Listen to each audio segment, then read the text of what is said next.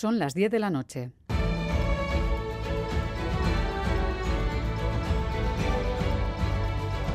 Radio Euskadi y Radio Vitoria. Servicios informativos.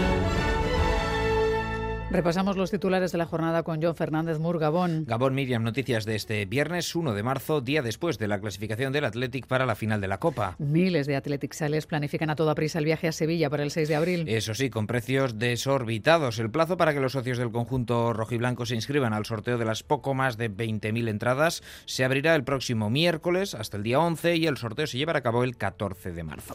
El triunfo de ayer, eso sí, se ha visto ciertamente empañado por los incidentes antes y después del partido en los aledaños de San Mamés. Incidentes que se produjeron, por ejemplo, en el restaurante Farqueta de la calle Rodríguez Arias, donde varios radicales irrumpieron contra aficionados del Atlético de Madrid. Entraron un grupo de encapuchados con botellas empezaron a lanzarle al pobre chico eh, botella tras botella en la cabeza. Nos lo contaba una de las camareras. Ese seguidor colchonero acabó en el hospital de Basurto y uno de los supuestos agresores detenido. Incidentes también en el recibimiento al autobús del Athletic y a las puertas de la zona visitante en San Mamés antes y después del partido. Seis agentes de la Archainza heridos. También un periodista que salía del estadio del Athletic denuncia estos comportamientos de textualmente ultras descerebrados. El Departamento de Seguridad habla de incidentes intolerables y tanto la unidad sindical de la Arzainza como el Atlético de Madrid ponen el foco en el dispositivo de seguridad que tachan de desestructurado y deficiente. Un Atlético que, por cierto, ha decidido no dar entradas al Atlético de cara al partido de Liga que ambos equipos aún tienen que jugar en Madrid.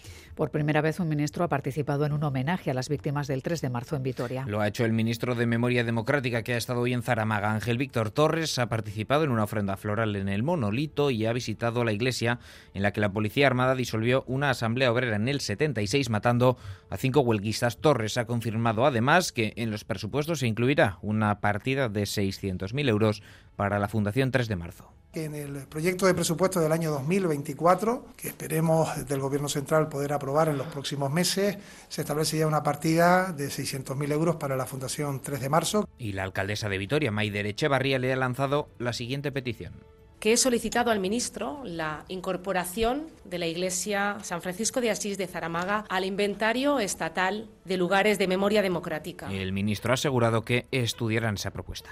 La Fiscalía recurrirá a la condena por agresión sexual a Dani Alves, que considera como atenuante la compensación económica depositada. Entrevistado en Gambara de Radio Euskadi, el experto en violencia de género, Miguel Lorente, explica por qué lo ve un contrasentido.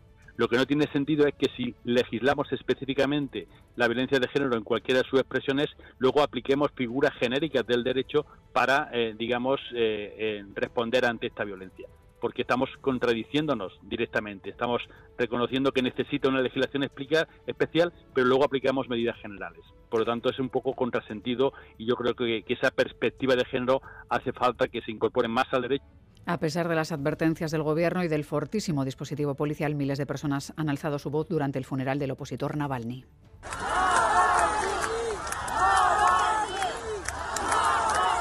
El cuerpo de Alexei Navalny descansa ya en el cementerio Borisovo de Moscú. El féretro con el cuerpo, fallecido hace dos semanas en circunstancias no esclarecidas en una prisión del Ártico, ha sido trasladado desde una iglesia donde ha tenido lugar el velatorio. Según una ONG afina, Navalny, más de 40 personas han sido detenidas en distintas ciudades del país, bien cuando se dirigían a Moscú para acudir al funeral, bien cuando depositaban flores en su memoria. La viuda de Navalny ha prometido que continuará desde el exilio la causa de su marido y ha pedido a sus seguidores que se pongan a su lado para seguir luchando contra el régimen de Putin. Es todo. Más noticias en una hora y en todo momento en itv.eus y en la aplicación ITV Albisteac. Gero.